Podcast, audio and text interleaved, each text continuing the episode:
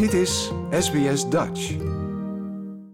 Jaap, wat een avond. Uh, je hebt je droomfinale gekregen. Met de droomuitslag ook natuurlijk. Ja, en een rol voor de droomspelers. Want uh, Messi was dan weliswaar de winnaar. Waardoor het echt het, uh, het WK voor de eeuwigheid aan hem zal blijven kleven. Net als met Maradona in 1986. Maar ja, we mogen Mbappé natuurlijk ook niet vergeten. Het waren twee hoofdrolspelers vooraf. Ja, en wat hebben ze geleverd, zeg? Niet normaal. Nou, ja, zullen we er even doorlopen? Want uh, ik met mijn Franse schoonfamilie, wij zaten hier midden in de nacht hier in Australië, groot scherm in huis, te kijken. En we zeiden op een gegeven moment, nou, eh, pff, we kunnen wel naar bed. Wat doet die? Die Fransen hadden geen schot op goal. Niks.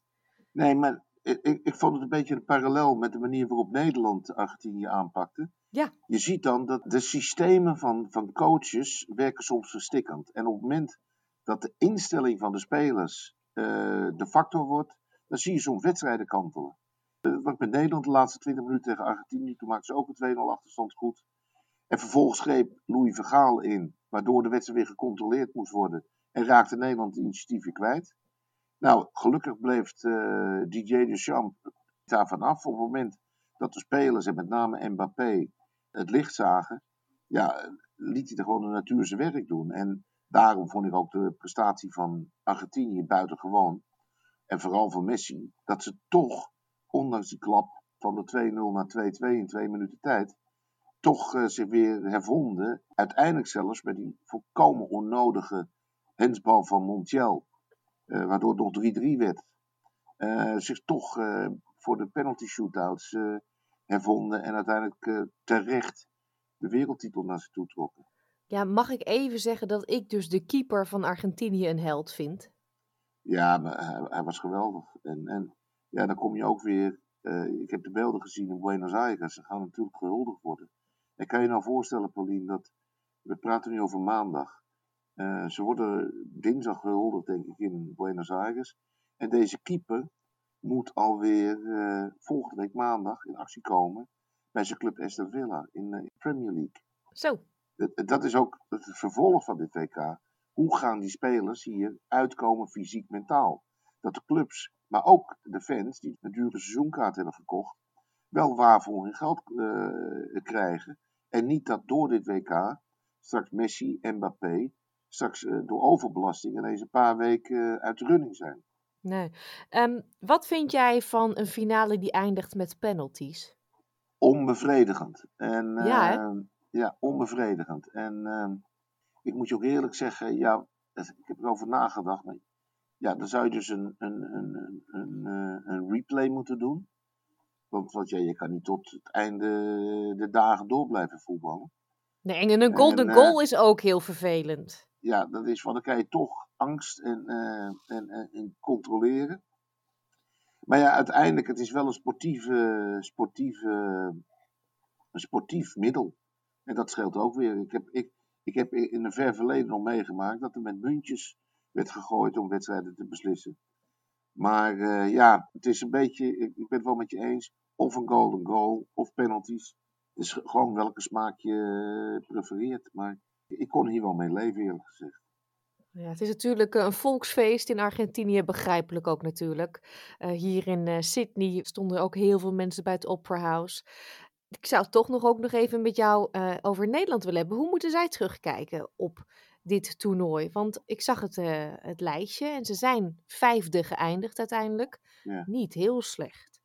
Nee, maar Oranje is wel geruisloos aan het WK voorbij gegaan. Ze hebben zowel op die 20 minuten na tegen Argentinië geen indruk achtergelaten. Ik denk ook dat niet één speler het elftal van het WK gaat halen. Ja, en wat mij gewoon uh, niet lekker zit, is de dominantie van een coach tijdens een toernooi. Ik, ik heb met verbazing gekeken hoe met name in Nederland opgetogen en vol bewondering gereageerd werd op de manier waarop Louis Vergaal bezig was. En dan heb ik het niet over zijn, zijn ontspannen en sympathieke manier waarop hij uh, eigenlijk naar buiten toe zich presenteerde. Maar het is een tactische keuze voor de wedstrijden. Het, het implanteren van zijn eigen systeem wat, wat dit WK uh, heeft, opnieuw heeft laten zien, Spelers zijn altijd belangrijker dan de coach. En de coach dient zich aan te passen aan de mogelijkheden van zijn spelers. En dat is een verwijt wat je Louis van Gaal kan maken. Dat die spelers als Virgil van Dijk, Jurgen Timber, eh, Denzel Dumfries uit hun comfortzone heeft gehaald. Waardoor het elftal nooit een swingend geheel werd, van, van spelers die een, bepaalde vorm van synergie met elkaar hadden. Gaan we kijken naar de KNVB. Ja, hoe, hoe moet je het WK in Qatar neerzetten? Als een evenement waarin sport gekoppeld werd aan politiek. En deze twee factoren werden weer gekoppeld aan het grote geld.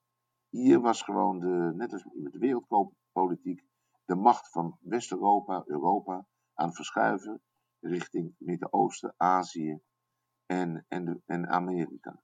Nou, dan kijk je de rol van Nederland daarin met de KNVB. Ik heb de, de tweet van de secretaris-generaal, Gijs de Jong, van eh, de KNVB gelezen. Er worden heel veel mensen bedankt. Dat zijn mensen van uh, Amnesty International, van de vakbond NVV en nog veel meer. En ik moest echt op zoek naar iemand die iets met sport te maken had. En ja, terwijl hier gevoetbald werd in Qatar, was de KNVB bezig met of met een, uh, de discussie moeten we een One Love Band dragen of een speldje. Terwijl iedereen in Qatar op dat moment bezig was met het lot van de Iraanse voetballers. Dus de politieke antenne ontbrak volledig bij uh, de KNVB, met name ook bij de bondsvoorzitter P. en directrice Marianne van Leeuwen. En ik heb ze even geobserveerd, liepen hier echt als uh, katten in een vreemd pakhuis rond, zonder netwerk en zonder uh, eigenlijk een visie. En dan kom je eigenlijk tot de conclusie dat zowel binnen als buiten het veld de KNVB geen goed figuur hier geslagen heeft. Nee. Het stokje wordt nu overgedragen aan Ronald Koeman. Volgende WK is volgens mij in Amerika, als ik het goed heb. Ja, het wordt, kijk, daar krijgen we ook weer. Kijk, we hebben het nu over de belasting van de spelers gehad. De clubs krijgen een vergoeding voor het afstaan van de spelers van 300.000 dollar ongeveer. En dat voor een maand beschikbaar zijn voor je bond. Als je nou nagaat dat de salarissen van spelers bij clubs als Manchester United, Barcelona, Paris Saint-Germain tussen de half miljoen en de anderhalf miljoen dollar per maand liggen, kost zo'n WK dus de clubs gewoon heel veel geld. En nu gaat de FIFA, die dus spelers leent, dus een soort uh, leaseconstructie, die gaat en heeft dus nu in alle wijsheid besloten om in 2026 het aantal deelnemers uit te breiden van 32 naar 48. Waardoor de clubs dus nog langer hun spelers kwijt zijn. Nou, dan stel het post-WK. Uh, Engeland begint al op maandag. De Franse competitie tussen Mbappé en Messi beginnen woensdag alweer. Volgende week woensdag dan. En de Spaanse competitie begint dan die vrijdag. Als daar dus inderdaad de naweeën, de negatieve naweeën van het week, dit WK zichtbaar worden door fysieke en mentale overbelasting. En je krijgt dan ook nog eens een keer de wetenschap dat de clubs over vier jaar nog langer hun spelers kwijt zijn. Dus nog meer kosten moeten gaan maken. Ja, ik ben benieuwd hoe lang het nog duurt voordat de Super League alsnog wordt opgericht. Ja. Gaat Koeman het heel anders aanpakken, denk je? 100 Ja. 100% Ja. Kijk, je moet niet vergeten dat onder Koeman het Nederlands zelf toch heel aantrekkelijk voetbalde. En eh, Koeman begon ook aanvankelijk met een 5-3-2 systeem. Maar na twee wedstrijden gooide hij het al om. En toen kreeg je een soort van 3-4-3 variant. Die enorm goed werkte. En het werkte het gewoon goed tot het WK. Want Louis Vergaal zegt wel, ja, ik heb uh, 20 wedstrijden ben ik ongeslagen gebleven. Maar er waren natuurlijk de eerste 15 of 14, weet ik niet veel. Die, uh, die waren wel in het oude systeem, omdat de spelers dat wilden.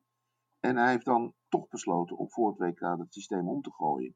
Omdat hij gewoon zelf zijn stempel op dit toernooi wilde drukken. Dit moeten we echt nooit meer doen. Dit heeft niks met Nederland te maken. Nederland, en dat is ook de stijl van Koeman, wil dominant voetballen op de helft van de tegenstander. Met technisch en tactisch vaardige spelers. Dat is het Nederlands voetbal. Ja. Ik heb wedstrijden tijdens het WK gezien tegen Ecuador en tegen de Verenigde Staten.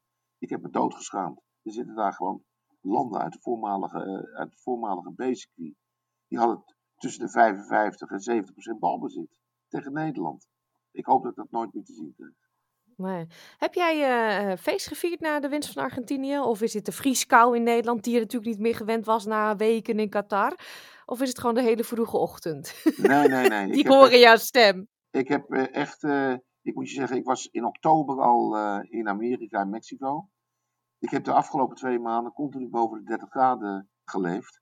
En ja, ik ben 35 graden in temperatuur achteruit gegaan. Het heeft inderdaad wat invloed op mijn strot, maar ook niet meer dan dat. Ik ben niet ziek of zo. Alleen ik merk dat, dat mijn stemman een klein tikje gehad hebben van, van de vrieskou. Ja, nou ik wil jou heel erg bedanken voor al die weken dat jij ons even hebt bijgepraat. Twee keer per week. Dat hebben we heel erg gewaardeerd, de luisteraars ook. En we spreken elkaar weer bij het volgende sportfeestje natuurlijk. Absoluut. Ik vond het ook ontzettend leuk om te doen. En uh, nou ja, net wat je zegt, ik hoop dat de luisteraars eh, er iets aan gehad hebben. En ik ben absoluut voor de volgende keer weer beschikbaar. Dankjewel Jaap. Jij ook bedankt Paulien. Like, deel, geef je reactie.